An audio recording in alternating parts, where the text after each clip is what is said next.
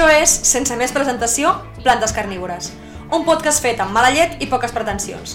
Perquè ens podríem definir pel que no som i dir que no som un podcast de nenes mones de Barcelona.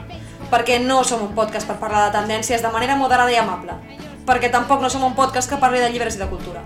Som un podcast fes des de Barcelona, però venint cadascuna de casa seva. Som un podcast que parlarà, parlarà de l'actualitat, que prou pena tenim en veure com ens ho fem amb la nostra vida, com per marcar tendència de ningú. I perquè la moderació hem decidit que ja l'exercim en el nostre dia a dia, i això, ara i aquí, és un espai per fer una mica el que ens dongui la gana. I no, no som un podcast on tres dies s'explicaran la setmana. Que tampoc no tenim pretensió de tenir una audiència milionària, la veritat, però explicarem una mica més que una conversa de bar. Hem vingut aquí per fer el que ens ve de gust, sense censura, i cuidant una mica com ho diem per arribar a algú. Que potser no som ningú, aparentment, però tenim les idees clares i hem vingut a menjar-nos les mosquetes mortes. Així que passin, que tenim plantes d'interior, plantes d'exterior i unes dents per tothom.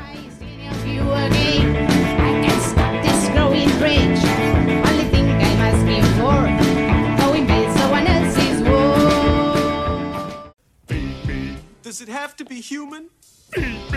Does it have to be mine? Where am I supposed to get it? me Seymour. Ens van confinar i a casa el millor fer era cuidar les plantes. Durant mesos van créixer grans i lluents, les estimaven i elles ens feien companyia. Ens permetien veure una mica de verd entre les parets de casa i nosaltres els tornàvem al favor oferint tot l'amor possible. Però després vam sortir al carrer i res va tornar a ser com abans. Hem decidit aquestes setmanes fer un estudi i ens hem acostat a diversos testimonis perquè sí, les plantes carnívores estem preocupades per les nostres congèneres i com pateixen el maltracte dels humans, que es van comprometre a cuidar-les i ara, bé, ara no ho estan fent. Per aquest motiu, us volem presentar tres testimonis absolutament devastadors de tres plantes que han patit l'abandonament dels seus amos i mestres. Sabem que els seus comentaris poden ser corprenedors, fins i tot feridors a orelles sensibles, però és només donant veu a les víctimes que podrem justificar la nostra existència com a plantes carnívores i la nostra necessitat de venjança vers els humans. A mi només em rega quan necessita una excusa per no estar treballant. Em sento cosificada. Em va comprar el Todo 100 de la cantonada una tarda, en un rampell de responsabilitat i avorriment. Des de llavors m'han regalat tres vegades, i fa un mes. L'objectiu era fer mojitos de les meves fulles, però des de que pot tornar al bar estic a les últimes. Ara, a sobre, s'emmerden amb un podcast, com si no passessin prou hores fora de casa, com si no tinguessin prou feina. I només queda preguntar-se, calia fer un podcast? És que no n'hi ha suficients? Què en serà de les plantes? I don't know. Come on, boy. Em dic Lucía i la veritat és que tinc bastantes plantes vives, però no perquè m'ocorri gaire en aconseguir que sobrevisquin, però pff, jo què sé, soc, soc una tia amb sort. Si és alguna mena de karma compensatori, a veure, la veritat és que tinc millors idees sobre on podria aplicar-se. Uh, em, em dic Carlota i confesso, només tinc plantes de plàstic. Sóc un desastre i he arribat a assassinar 21, 21 cactus en els darrers 3 anys. Cactus, saps? Que no es moren mai? Doncs pues això, jo els mato. I després de morir d'enveja de veure les plantes guais dels veïns del davant, vaig decidir que com que, com que amb les vives no hi tenia mà, em tocava ser una xunga i sí, què passa? Comprar plantes de plàstic. I no tinc mala consciència. Jo sóc l'Alba, tinc la casa plena de rams de flors seques que no són tan dependents com les plantes vives i fan exactament el mateix bonic. I mira, a mi infantilismes no. Que si rega'm sovint, que si canvia amb la torreta. Les plantes vives fan més mandra. I també en tinc, de fulles grosses, que rego quan es comencen a posar grogues. Ara, totes tenim plantes. I jo penso que ens cobreix l'instint maternal aquest que deien les iaies i que ens han acabat ficant al cap. Però anant al tema. Avui és dimarts al vespre i en lloc d'estar a casa tranquil·lament sopant, mirant una pel·lícula o posant una rentadora, hem decidit agafar unes birres i seure a parlar de plantes. Nenes, benvingudes al primer Plantes Carnívores! Semblava mentida que primer plantes carnívores. Eh, no, o sigui, no, no cal que ho expliquem tot, però sí que portem, és veritat que portem eh, una hora eh, intentant fer mm, proves i no estava funcionant. Una setmana també es podria dir... Eh, sí, sí, sí. Portant, de fet, un podcast d'avantatge... que- Uau, sí que ho podem explicar una Sí, ho mica. podem explicar, ho podem explicar. Vam gravar un podcast que si aneu a la catedral de Girona a dins del lavabo tindreu menys ressò del podcast que vam gravar nosaltres. Era tot el reverb. O sigui, Tota tot. la reverb, tota. Tot, tot, tot, tot, tot, tot de la reverberació. Era una experiència psicodèlica, jo penso. És eh, música música experimental, tal qual. Ha trucat l'UPF i m'ha demanat que retorni el títol d'audiovisual. Bueno, a Que, que vinguin a buscar-te'l.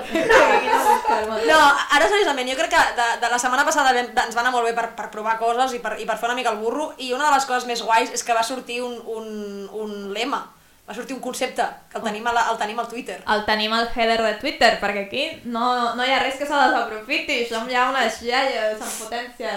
Jo no me'n recordo. Però si va ser teu el lema, petarda. Ja, però és que dic tantes coses interessants que és que no puc mentir. Parar. De que era un podcast improductiu. Exacte, som un podcast improductiu, perquè no hem vingut aquí a la productivitat capitalista. Per no recordar-te, te l'has fet teu molt ràpid. Ah, i tant, i tant, tope. és un dels meus molts talents. No, però realment, una, una, una cosa, vull dir, si hem d'intentar explicar què estem a punt de fer, una de les coses que tenim clares és que no estem intentant fer res. No, per favor, o sigui, ja fem, és que ja fem prou coses, tampoc cal fer res, vull dir, eh, acceptem que la gent no ens escoltarà, vull dir, de fet, acceptem que ni amics ni familiars ens escoltaran, i llavors això ho fem per nosaltres, i ja està, és que no cal, estem fent moltes hores de feina a la setmana, estem pensant moltes coses, i això només ens venia de gust, perquè en el fons, culo veu, culo quiero, tira pa'lante. No, eh, realment, o sigui, jo crec que tothom està fent podcast a Catalunya, no hi ha, no hi ha un tema que no, esti, no s'estigui fent un podcast, en sèrio, hi ha algun tema que... Pensa, pensa un tema, Alba, molt loco. El cau. El No cau. estem fent podcast del moviment Escolta Guia. Vinc a anunciar-vos que l'Alba Nebot ha trigat 7 minuts en fer la primera referència al cau. Magnífic, Mira que veritat. ja no hi sóc, al cau. Imagina't si encara estigués en actiu. Però no, Vamos. però no surts mai del cau, o sigui, és com una mena de pou sense fons. Exacte. En tot cas, estem aquí fent veure que som plantes um, Carnívores. carnívores, perquè sí que és un ésser que ens defineix en certa manera. Bastant. Però, o sigui, quina és la idea general? Com resumim el que som en, en un segonet, en 10 segons? Usuaris de Twitter.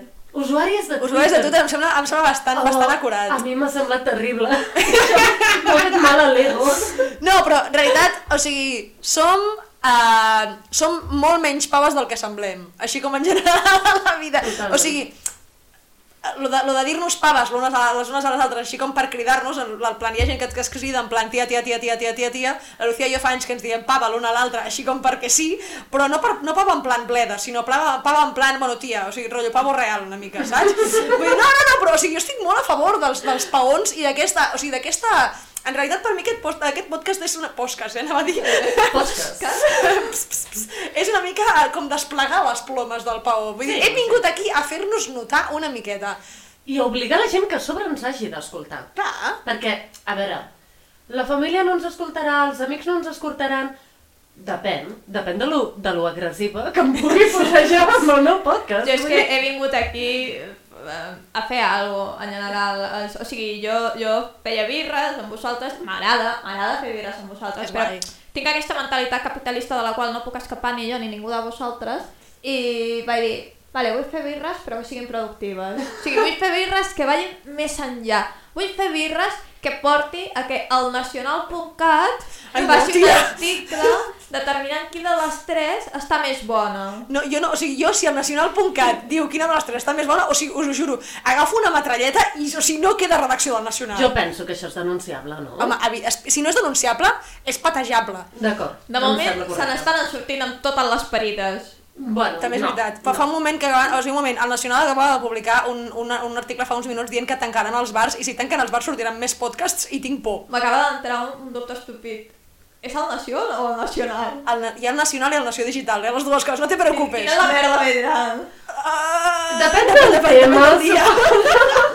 No, a veure, va, home, aquí treballen grans professionals al Nacional. Anem a dir que la línia editorial potser ah, patina una mica, però...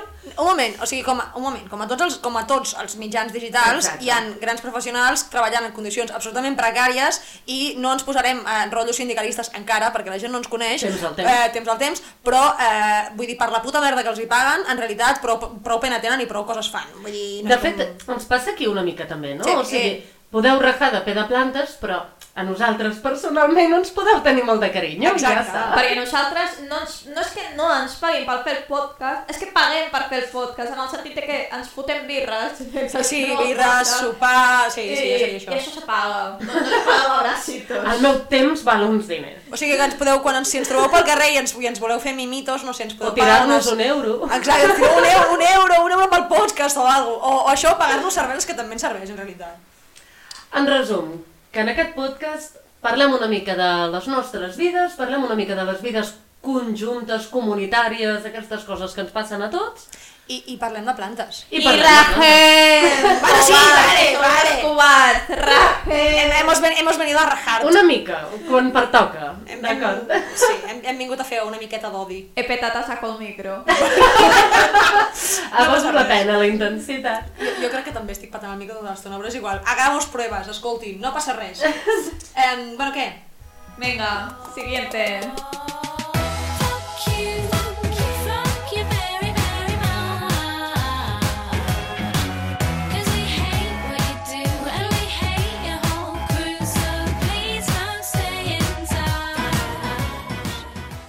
Dionaea muscípula, vulgarment coneguda com a Venus atrapamosques. Doncs, doncs, doncs, eh, amigues, eh, amics i amigues, eh, la meva planta carnívora preferida del món és la Dionea muscípula, vulgarment coneguda com a Venus atrapamosques, com us ha dit aquesta veu rematadament sensual que, que sonava fa un moment. Eh, I sabeu, o sigui, pe- penseu en aquella planta, sabeu aquella planta típica que, que menja mosques i les atrapa entre les dents? Doncs sí, eh, aquesta sóc jo i aquesta secció que acaba de començar és la secció de l'imbècil de la setmana. Per tant, què farem setmanalment? Eh, doncs repassarem qui ha fot, qui s'ha fotut un tret al peu a l'estil Froilán, eh, qui ha trepitjat una trampa d'ossos i se l'ha tancat mossegant-li la cama eh, habitualment amb les seves pròpies paraules, és a dir, qui ha fet un, un, un, un borbó, eh? que ja seria una mica del tema.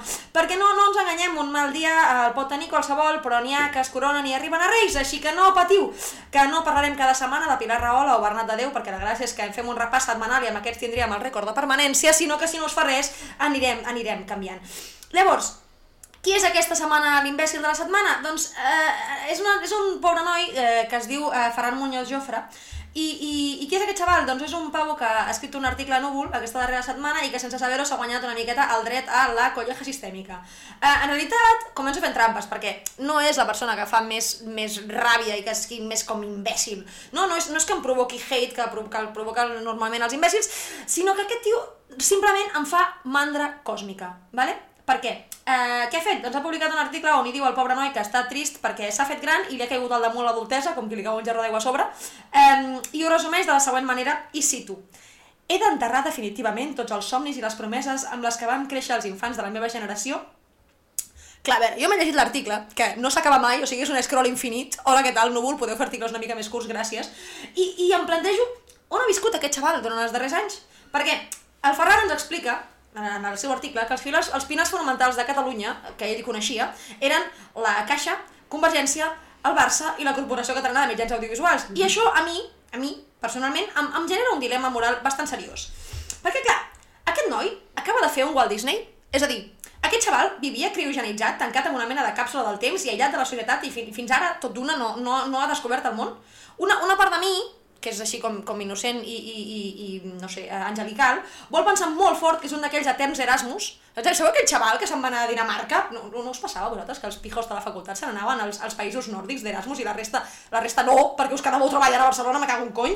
I ara, el, el tio, amb el corona confinament o alguna cosa, no sé, ha decidit tornar a Barcelona i uala, és que Barcelona ja no és del que era. Bueno, clar, carinyo, què et pensaves? Vull dir, o sigui, si no és així, honestament, no m'explico, no només l'article i el to de decepció, com si hagués viscut a la putíssima inòpia fins al moment, sinó sobretot quina mena d'importància barra rellevància té publicar-li això ara, aquest pobre noi. Perquè us juro que si no és perquè... O sigui, l'única cosa que se m'acut és que ara que definitivament el Barça ha deixat de molar, ja no sé quina merda d'estructures pensava que li aguantava la catalana, perquè definitivament ni la Caixa, ni, ni Convergència, bueno, bueno, de Convergència parlem-ne, ni sobretot la Corporació Catalana de Mitjans Audiovisuals perquè toma pel sac i a tota la resta. Estic molt enfadada. Ah, és irònic? És que aquest és el tema, que és que si fos irònic encara tindria gràcia, però és que no. Però quina... Com? O sigui, El tio la acaba- Caixa, Convergència i el Barça. És Maiaia, aquest Clar, noi. clar! O sigui, aquest noi estava dient com, en plan, la, la meva generació, als 90, s'aguantava perquè hi havia aquestes estructures d'estat que eren estructures d'estat i això funcionava i de, tot, de cop tot això com que s'ha desmoronado i de cop tot d'una ara estic patint perquè no entenc el món. Bueno, xato, què passava? Vull dir, que, per, per això us deia, o sigui, lo del Walt Disney no era banal. Vull dir, jo crec que aquest tio se'n va anar a viure fora molt lluny, molt lluny d'aquí, vull dir, molt lluny d'aquí a l'altra banda del món, saps? Viuen contents els barrufets i el Ferran Jofre, o sigui, perquè aquest xaval, o sigui, calmi, senyora, saps? Estava barrufetejant. o sigui, màximament barrufet, xaval?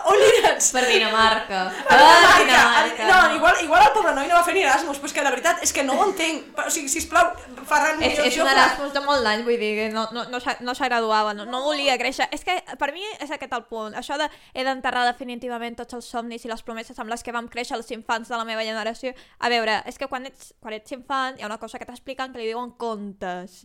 O sigui, hi ha un punt en el que, en el que ja no serveix anar-se'n a plorar als llits dels papes. Vull dir, ja has de fer alguna cosa, t'has de- t'has d'espavilar i, evidentment, si les teves referències són uh, la Caixa, Convergència, el Barça i, a veure, la CCMMA, o sigui... Sí, La Corpo. A, a veure, la Corpo. O sigui, a veure un moment, jo la meva, la meva recomanació, així com a la vida en general, és... Eh, Ferran, estimat, eh, una, una, vull dir, let me break the news for you, um, el rei són els pares, eh, la caixa ja no, és, ja no és una caixa de pensions, eh, és, és Bànquia Un i, moment, i... no, aquest noi no ha viscut la caixa, caixa de pensions. Nosaltres no hem viscut mai un moment on la caixa no sigui èticament El puto mal. No, O tia, sigui, un moment, un moment, que quan jo era petita feien allò de l'obra social i aquestes coses. Sí, es regalaven una paella. Claro, men, però com a mínim feien alguna cosa, vull dir, és que va arribar el moment que van, es van treure la careta i van decidir que eren el puto mal, Ai, però me cago en ser una... Bueno, igual. Però això, és que, a veure, un moment, és que està agafant aquí com los cuatro jinetes de l'apocalipsis.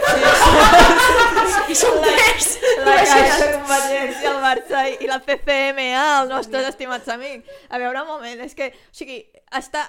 No, o sigui, tu una persona que necessita ser tutoritzada per l'Estat no pot dir aquestes És que, o sigui, fill meu, creix. Vull dir, de veritat, jo l'única cosa que vull fer és, si plau, si en algun moment ens escolta aquest noi, perquè t'ho imagina't que ara ens escolta, saps? Risses. No, de veritat, Ferran, estimat, creix. No passa res, vull dir, arribarà, passarà, passaràs per una crisi, eh, és, és tristíssim fer-se gran, fer-se dur és una putíssima merda, però arriba un moment que, eh, tu, vull dir, no passa res, comences a assumir que arribarà un moment en el qual eh, no, no, no, et caurà al damunt, que no, serà, no viuràs mai millor que els teus pares, mai a la vida, i que probablement tampoc no viuràs millor que els teus avis i van passar una guerra, i no passa res, vull dir, pa'lante, pa'lante amb la crisi del segle XXI.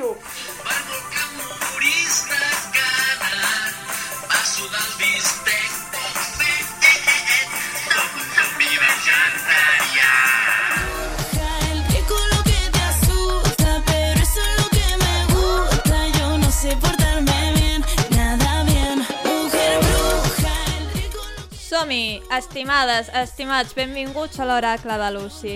Aquí us podreu fer les preguntes més importants que teniu per l'univers i aquest ja decidirà si us contesta o no. Probablement no, però i, i vivim, a no ser que siguis el Ferran, i vivim amb aquestes amb aquestes coses. Total, que aquesta secció neix d'una petició al Twitter que deia així Pot alguna dona bisexual deprimida dir-me quin planeta m'està fent infeliç? I bueno, vaig llegir aquest tuit i vaig pensar, parla de mi, sóc jo, o sigui, està, està parlant de mi, ho tinc claríssim, és la meva, haig d'obrir un llibre d'astrologia. Os espero esta noche, no os lo perdáis porque va a ser la bomba, ¿eh? Ya sabéis cómo soy yo, que vengo un poco picarona. Que gran, que gran que és l'Aramis Fuster, gran tarotista, millor fauna salvatge de l'ecosistema espanyol.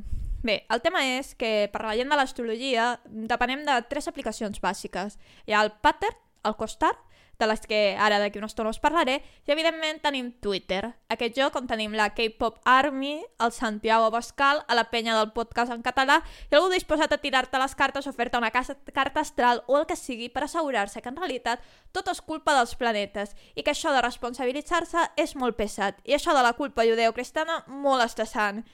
I llavors, bé, vaja, la culpa és de la lluna, l'hora en la que vas néixer, que el teu pare fos Gemini i no t'estimés prou, aquestes coses que ja, ja ens serveixen, ja ens va bé. I com us anava dient, tenim aquestes aplicacions que es diuen Pattern i Costar, que són cartes astrals digitals que intenten intercedir en el teu dia a dia.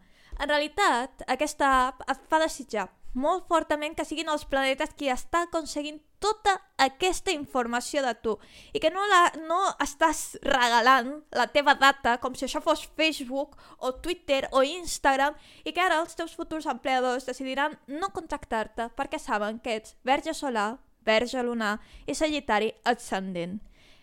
Que veure, si no sabeu de què us parlo, ho esteu fent molt bé a la vida. Si sabeu de què us parlo, no, no em digueu res, no podeu don arroba a mi, perquè ja tinc prou amb, el que, amb la meva pena. Eh, bé, vaja, com anava dient dels empleadors, eh, que aquests descobreixin que estàs, per, que estàs plorant, lamentant-te per la franja profunda que ha dit una app. El còster de la Lucy deia el 5 d'octubre. Utilitza la teva imaginació. Gràcies per tant. Efectivament, vaig fer servir la meva imaginació i el Satisfyer. Dos por uno que ni en el Carrefour, amigues. Vamos, jódete, Neptuno. Llavors, el lío, ties. Què, què tal? Ho heu deixat amb les vostres parelles? D'aquesta setmana no. D'aquesta setmana. La parella d'aquesta setmana no. Aquesta serà millor. Aquesta, aquesta és la resposta correcta. Eh, bueno, no sé si heu tingut ruptures així romàntiques, dramàtiques al vostre voltant, però bàsicament, com sap tothom, que de coneixement general, la setmana passada la lluna va entrar en càncer.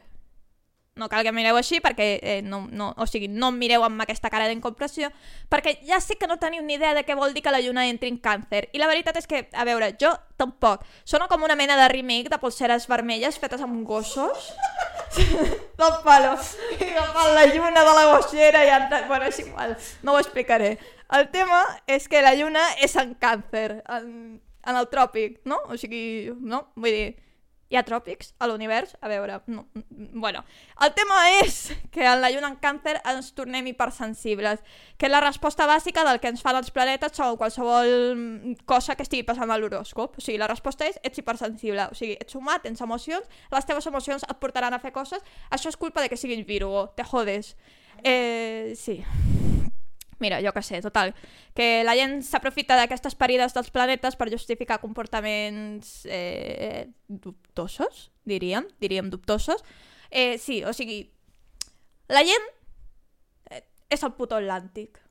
I els planetes són la lluna i les marees, no? O sigui, tu vas, tu vas a les catedrales de la playa de Lugo, la playa de les catedrales de Lugo, eh, que no pots anar a determinades hores perquè no hi ha platja, la marea s'ho ha menjat. Llavors, la penya és igual, de, de sobte te l'agafa, te fa una liada parda i te diu, no, és que la lluna, que no en la meva gossa, la lluna està en càncer.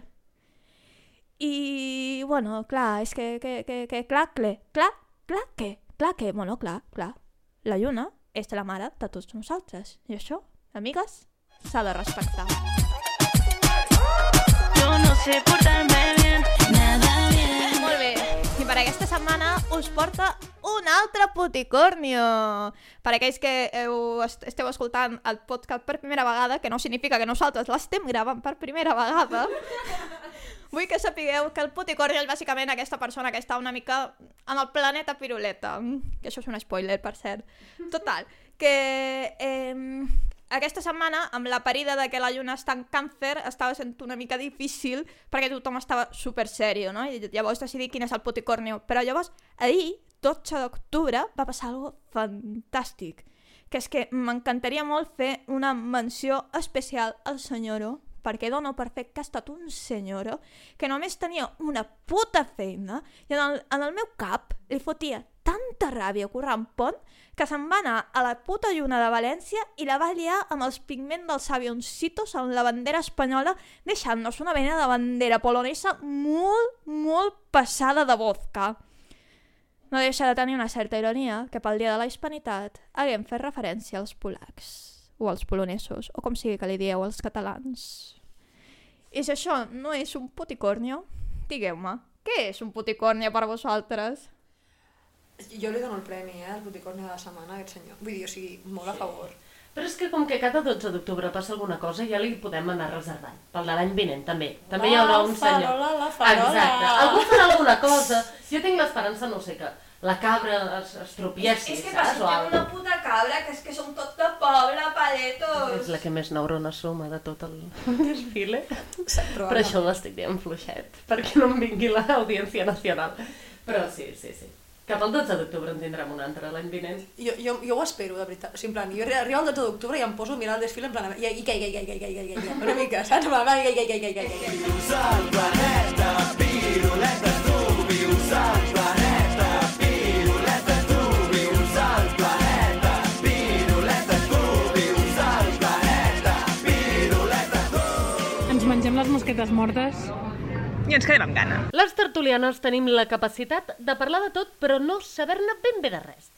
En realitat, és la feina somiada, xerrar com un lloro i que no ens puguin fer callar i, a més a més, ens paguin. A vegades estem al bar fent el cafè i sentim com la taula del costat té la conversa, una conversa d'aquelles que dius «Buah, jo voldria estar ara mateix en aquesta conversa». I per què? Perquè és que estan opinant i no en saben tant com tu. En realitat, necessiten la teva opinió que és molt més argumentada, molt més interessant, molt més intel·ligent, i tu estàs allà a la taula del costat, tu sol, amb el teu cafè, prenent-te'l tristament i pensant, a veure, ara em cremaré, ara estarà cremat el cafè, i el que voldries és estar allà xerrant amb aquella gent, però no pots, perquè és estrany agafar i posar-te a la taula del costat del bar. És estrany interrompre una conversa de gent que no et coneix. Et sents una mica com aquella planta mústia que reposa allí a la barra que segurament està més cansada que tu i que ningú de sentir converses estúpides, que són poc informades i que, anem a ser sinceres, tiren cap a la demagògia, què diria aquella pobra planta, si pogués opinar? Hi ha una planta que és especialment fràgil a converses bessugues com aquestes. Aquesta planta, lamentablement, amics i amigues, és la meva planta preferida, és la meva, la meva família, i es diu pingüícola, una planta carnívora plena de petits pètals enganxifosos. Pingüícola, del superregne de les eucariotes. La meva naturalesa em porta a enganxar mosquitets amb aquests pètals i altres bitxos que estiguin per allà distrets, però, com a desgraciada en una barra d'un bar, l'únic que se m'enganxa és l'olor de fritanga i les converses petulants. Noche de setas. Noche de setas. Aquesta setmana, segurament, si hagués de resumir el que sento des d'aquí al costat d'una safata amb ensaladilla russa passada, et diria que és que els boletaires són el pitjor del món, que la gent de Barcelona no sap anar a la muntanya i que la gent de poble no hi ha res que li agradi més que queixar-se. I és que la conversa cunyada d'aquesta setmana per excel·lència a tots els bars de fora de l'àrea metropolitana de Barcelona és la mateixa. Els pixapins de pont toquen els collons, en roben els bolets i no saben ni cuinar-los. I sent sinceres, que és el que hem vingut a ser, una mica de raó tenen. Els divendres ja veiem a venir el desastre i l'anunciava la televisió pública, la nostra, amb aquesta tan necessària secció, el Tot es mou, on, en, on ens explicaven què podíem fer amb tants, tants rovellons que recolliríem. Home, què li passa al rovelló, que és el bolet estrella pels catalans? Ens frisem per anar al bosc, a la muntanya, a trobar no, que aquest bolet. Què va passar el dimarts? Que inevitablement la marabunta, l'estola jauria d'urbanites va tornar a passejar-se pel bosc després d'aixafar tot lo aixafable i de deixar tota la brossa possible i de meravellar-se dels tons de tardor als arbres. De fet, potser encara hi ha gent desorientada entre tantes fulles, per allí al, al, a Olot, no? és on es van a mirar fulles, que encara no deuen haver sabut tornar al seu niu allí a la Diagonal. Ara la gent del poble es queixa de que el bosc està fet un fàstic i que la gent de ciutats també es queixa, perquè aquí tots som molt nets i no som nosaltres els que hem deixat plàstics per terra, això han sigut els altres, els veïns. I és que la cronologia és la següent. A casa ens avorrim, la tele ens anima a anar a buscar bolets.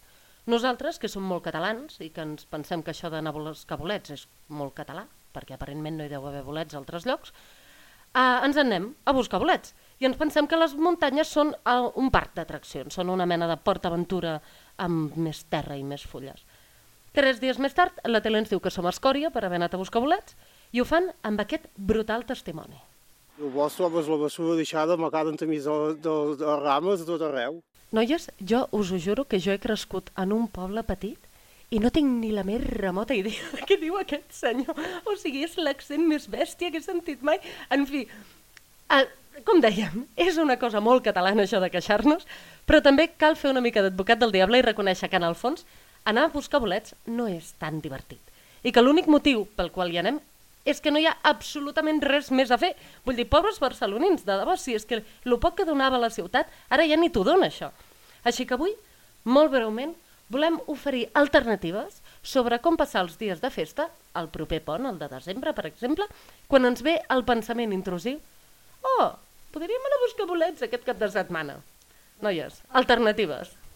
Jo només he de dir que hi ha una cosa, hi ha un motiu de la truca Telenor per, pel qual anem a buscar bolets. Oh, Déu meu, ja està. No, no, no, no, No vull estar en aquesta conversa. No, no, no, no, és molt, més, és molt ràpid, ho matarem molt ràpid, i és que és menjar i és gratis. Mira, mira que aquí m'has agradat, Carlota. Clar, tia, o sigui, tu pensa, o sigui, pensa totes les iaies que sap que se'n van a arrasar als mítings de Convergència perquè els hi donen el berenar. O com l'altre dia teníem aquesta conversa, les iaies que la, a Sant Madí, a, les, a la ta, ruta ta. aquella que fan de Sant Madí que tiren carmels gratis, abans et tiraran a sota de les rodes d'un carro que, que els hi robis un carmel de llimona? Doncs imagina't. Sí, clar. A mi em sap greu, jo no veig cues per entrar a la Ciutadella a recollir cargols. Per tant, no m'ho crec.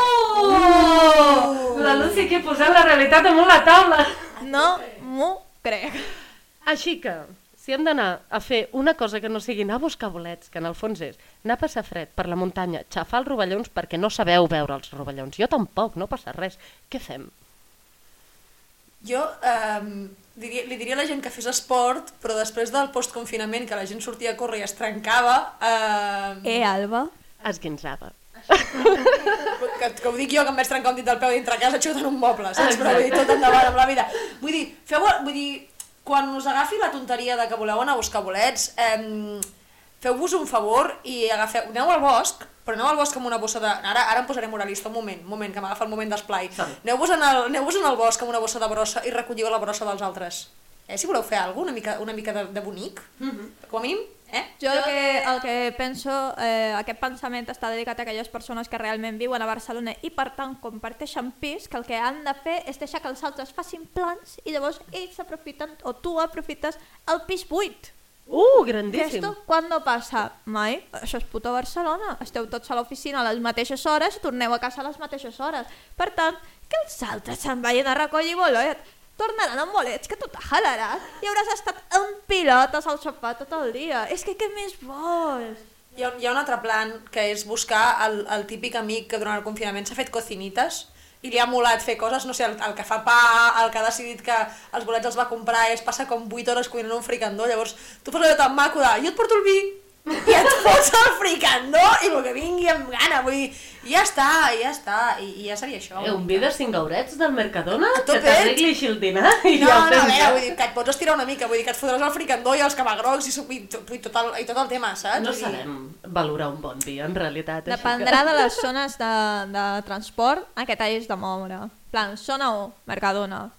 Zona 2? Zona 2. Si has d'agafar el Rodalies, què fas? O sigui, si has d'agafar el Rodalies... Si has eh, d'agafar el Rodalies- Rodalies, t'has d'haver comprat el vi prèviament a un celler d'aquests a Olot, on ha anat el teu col·lega. Mentre ell buscava bolets, tu, no sé, compres un vi per un celler de per allà i ja feu el dinar. Està, ja ho tenim, això. També hi ha una altra... Pro... Això és proposta per la senyora Ada Colau, si ens estàs escoltant des de casa teva. que no ho dubto. Que no ho dubtem.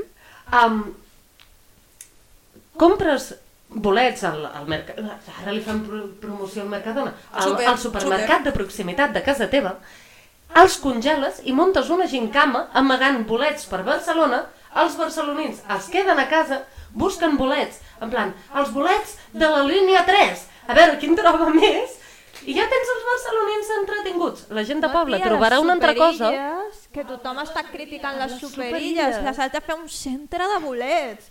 No com els agradaria a la penya que abans anava a l'Apolo i ara no té res millor fotre. I que saben de setes un bon rato. un montón. O sigui, podem, podem, podem plantar, eh, no sé, shiitake a la superilla, a Sant Esteve Camagrocs. Els camagrocs no sé si creixen, però els, els xampinyons, per exemple, que els fots en un hivernacle i creixen a qualsevol puesto, Depèn de quin pis d'estudiant vagis, rasques una mica les cantonadetes del sostre També i allà també tens Al, vida Alba, fungosa. Alba, fora bromes. Ja, ja, ja. No, o sigui, és que no, és ni broma. Jo, jo he viscut en pisos on això passava. Sí, sí, sí, sí, sí.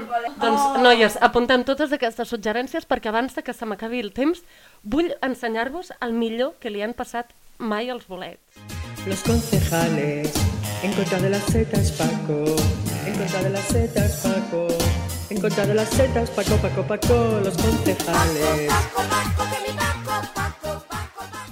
Acabem d'escoltar la millor cançó reivindicativa de la història, ho sento, CDRs, assemblees de barri... Um, és uns veïns d'Alicante que el 2015 van demanar que no retiressin uns bolets gegants decoratius que hi havia a la zona comercial i van fer aquesta meravellosa cançó que podeu trobar al YouTube si, bus si busqueu Paco, no me toques la seta. La, la podem penjar al Twitter, no? La podem compartir a Twitter, i tant, la, la compartirem a tot arreu. M'està mirant a mi, que sóc la community manager. Som-hi! Lucy, no me toques la seta. La chupas en el lomo, te coloca, te pasa el día volando, viendo la seta crecer. Ens acomiadem freestyle. Qui ha escrit això al guió? Jo, perquè és que no us vull tancar en els paràmetres de la meva creativitat. Endavant. Uh, no, bàsicament uh, ja està, ja ho hem fet, esperem que s'hagi gravat aquesta vegada. Uh, si hi havia algú que tenia unes mínimes expectatives, que jo crec que eren dues persones a qui no li, amb qui no compartim uh, llaços de, de sang o, de, o, de, Mhm. o afectivos sexuals, per no dir llaços de fluids, que queda un poc més feo. M'encanta llaços de fluids. Ah, amiga, doncs això, que, que, això, que si algú ens escoltava, uh, que gràcies, i si teníeu alguna expectativa, segur que ens les hem, les hem rebentades perquè, perquè sale mal tot, en general. Què dius? Les hem rebentat perquè és que no us esperàveu. Tant de, tant de contingut, tanta crítica social, tant, tant fer-ho bé, saps? Allò és, és... Bueno, lo nunca visto. Ens, ens hem vingut molt amunt una mica, ara tot d'una. Sí. Amunt, pulsera de... Amunt, pulsera de vermella! No, per favor, o sigui, abans em fot un tret a, la- a, la- a la nuca, a mi mateixa, saps? Eh, no, ens podem acomiadar sense tu. No, no, no, o sigui, sisplau, no, per favor. O sigui, si, poseu, o sigui, feu això, o sigui, us faig posar la cançó del Pau Donés, eh, una Ja. mica, vull dir, ah, no, eh? Jo no sóc ningú, su puta estampa. Eh, no, en sèrio, eh, gent, si heu arribat fins aquí, moltes gràcies per aguantar-nos la xapa, eh, esperem, eh, esperem que, que s'hagi gravat tot bé i que la setmana que ve us puguem oferir més, eh, més contingut d'aquests sense cap mena de sentit i seguirem mossegant-vos el Que clatell. s'hagi entès una mica el que volíem fer, no? Tu ho has entès? Jo perquè m'he llegit el guió com 26 cops. Jo és que no ho he entès encara, eh? Sí, home, algo... Després t'ho explico.